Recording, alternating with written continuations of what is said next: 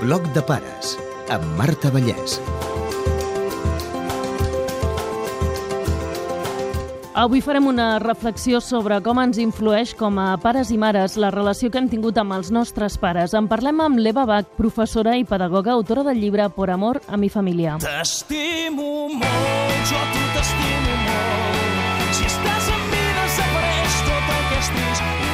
gratitud cap als nostres pares ens acaba comportant, la majoria de les vegades, la gratitud també dels nostres fills vers nosaltres. És una cadena màgica.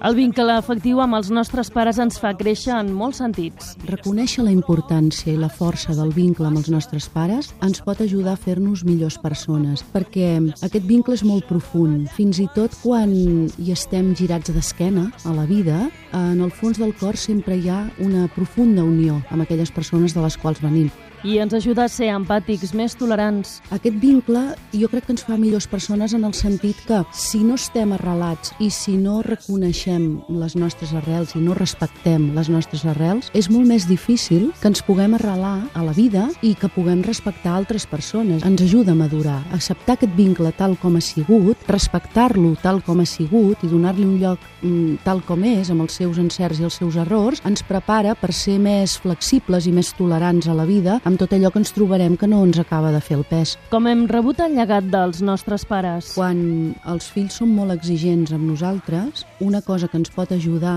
és revisar el nostre nivell d'exigència amb els nostres propis pares. És a dir, quan nosaltres fem millors els nostres pares, nosaltres millorem com a pares i els nostres fills també comencen a rebaixar l'exigència respecte a nosaltres. Somewhere down the road, you're gonna.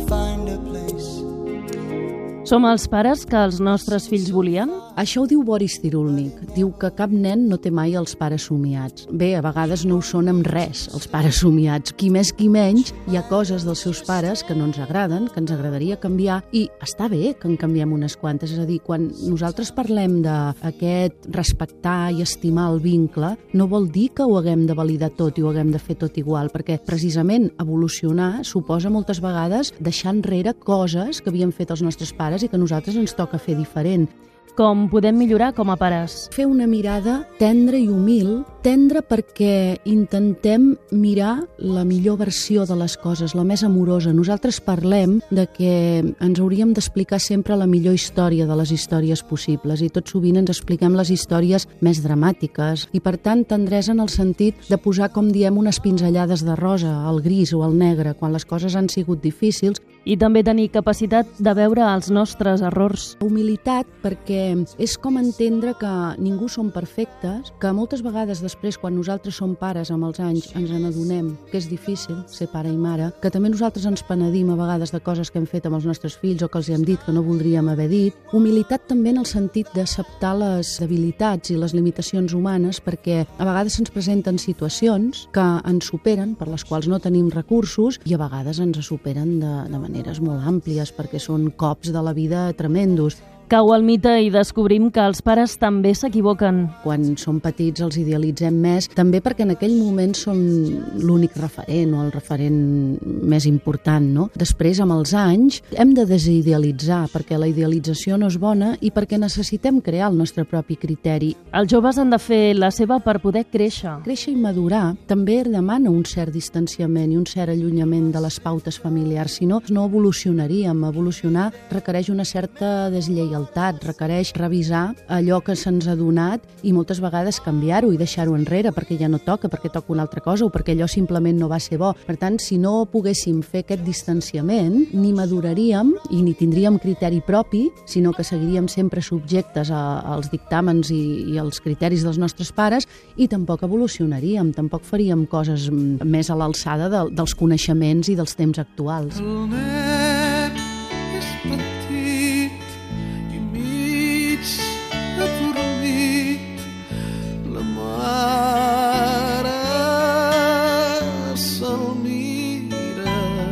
El camp emocional i familiar modela la manera de ser i d'actuar. aquell conjunt de sentiments i emocions que són fruit dels fets importants que han passat en una família, que encara que no es parlin aquests fets i encara que no s'expressin aquestes emocions, hi són a l'ambient i nosaltres les respirem i se'ns adhereixen a la pell i ens impregnem d'elles des de ben petits, perquè entre altres coses aquestes emocions que tenen a veure amb aquests fets familiars són les responsables de les creences i de les idees que desenvolupem les famílies i les persones sobre tots els temes importants de la vida, és a dir, sobre la parella, sobre els homes, sobre les dones, sobre la malaltia, sobre la salut, sobre el diner, el treball, la sexualitat, fins i tot els valors, la confiança, la solidaritat, és a dir, la humilitat, la honestedat, el respecte, tot el que nosaltres anem desenvolupant a la vida té la base en aquest pòsit d'emocions que, que estan en l'aire, no? que estan en l'aire familiar, en l'aire que respirem des de petits i que conformen aquest camp familiar. I és important poder parlar de tot a casa. Aquest camp familiar hi ha coses que es diuen i coses que no es diuen. I amb el que no es diu també entenem coses i també deduïm coses. Si aquest camp no es parla, la seva influència, diguem-ne que sempre és com més forta perquè és oculta, mentre que quan nosaltres eh, tot això es pot parlar, es pot elaborar i se li pot donar un sentit. Si no, moltes vegades seguim vivint i interpretant les coses de maneres que ja no corresponen, però perquè tot això no pot ser abordat i trobar el millor moment per fer-ho. Quan em pregunten quina és l'edat adequada per dir-li alguna cosa a un nen, una separació, la mort d'algú, una enfermetat, sempre dic que l'edat adequada és quan els adults que li hem de dir estem preparats per dir-li. El nen pot assumir la veritat quan nosaltres la podem assumir. A llavors nosaltres som capaços de buscar el moment, les paraules i la forma adequada de dir-ho. I hem de tenir en compte també que és bo qüestionar per què fem les coses d'una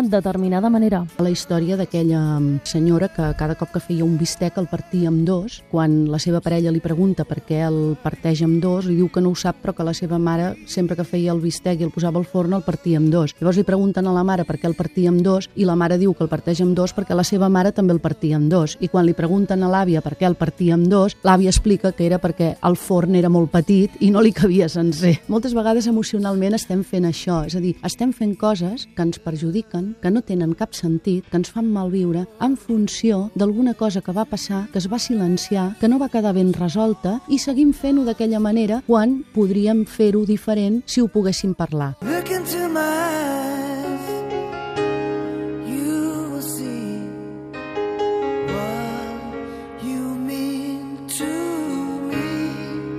plorar és bo? En les úniques ocasions que hauríem de dir a un nen que no plori és quan ja porta massa temps plorant. Llavors s'ha de començar a fer al- alguna cosa. O quan aquell plor l'està posant en una espiral que veiem que és destructiva. Però si no, el plor és saludable, el plor és necessari, que hi ha llàgrimes que són amargants, que hi ha llàgrimes que són boniques, dolces, i que les úniques llàgrimes que per nosaltres són perjudicials són aquelles que mai no s'han plorat o aquelles que mai no s'acaben. labern. No ens hem de quedar només amb el que rebem dels pares. Moltes vegades la crítica als pares, el nostre enuig amb el que ens van donar i també amb el que no ens van donar, és una excusa per no créixer i per no responsabilitzar-nos de la nostra vida i per no comprometre'ns amb la pròpia felicitat. Com que no em van donar el que jo necessitava, jo em quedo eternament en la nena o en l'adolescent o ressentit contra tot allò. I aleshores és com una postura de no prendre una actitud adulta a la vida.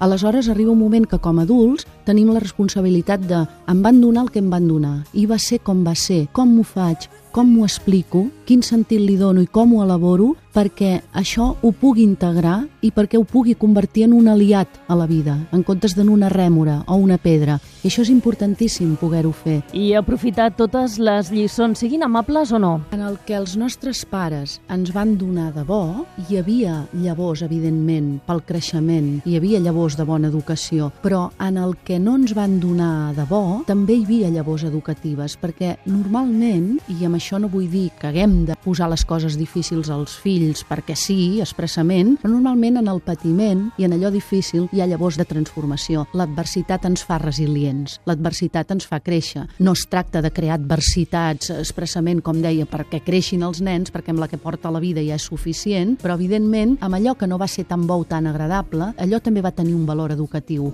Ella fregaba suelos, nunca se compró ropa por darle un buen colegio, multiplicó las obras Com a pares, què ens preocupa? En els símptomes que tenen els nens i nenes quan són adolescents, hi ha coses que són pròpies de l'etapa evolutiva que estan vivint. Aquestes ens han de preocupar lleugerament i normalment s'extingeixen per si soles. Després n'hi ha que són contextuals, que tenen a veure amb els aspectes del moment present, evidentment amb els models que veuen en els mitjans, amb, amb el que estem vivint, per exemple, ara amb les dificultats socials, tot això pesa no? i fa que els nanos també tinguin símptomes que tenen a veure amb això. Què passa amb els malentesos familiars del passat que estan soterrats? Quan allò que manifesta el nano té a veure amb algun desordre familiar. I quan dic algun desordre, jo voldria dir amb alguna cosa que no va ser prou ben resolta o no va ser prou integrada, amb alguna cosa que els pares tenim mal endreçada. I llavors el nano és com si amb el seu símptoma ens donés oportunitat de revisar-ho i de superar-ho, de transcendir-ho allò. Ens inquieta revisar aquests problemes mal endreçats. Quan algú ens diu que la llumeta vermella que s'encenen els nostres fills pot ser que tingui a veure amb nosaltres, aquí ens posem fatal perquè ens comencem a sentir culpables. Això és com si algú portés el cotxe al mecànic perquè se li encén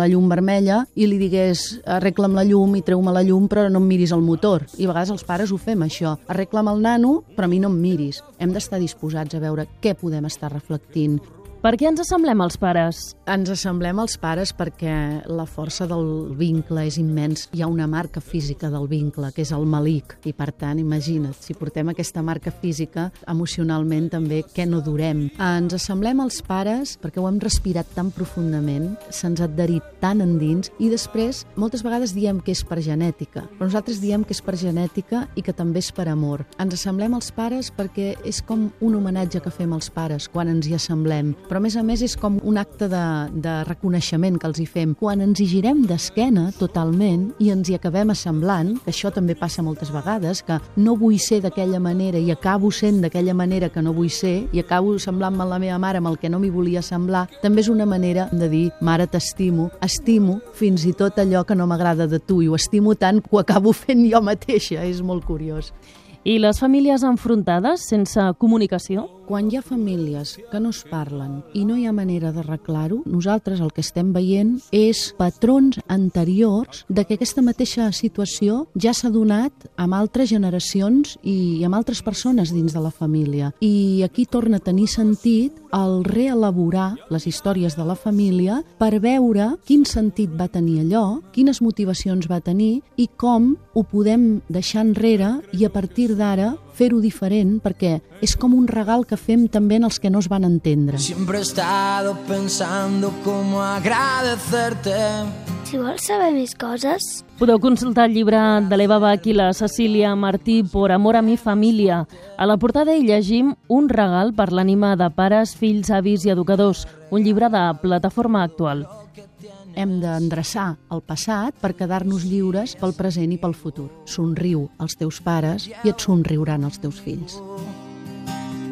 Te llevo conmigo.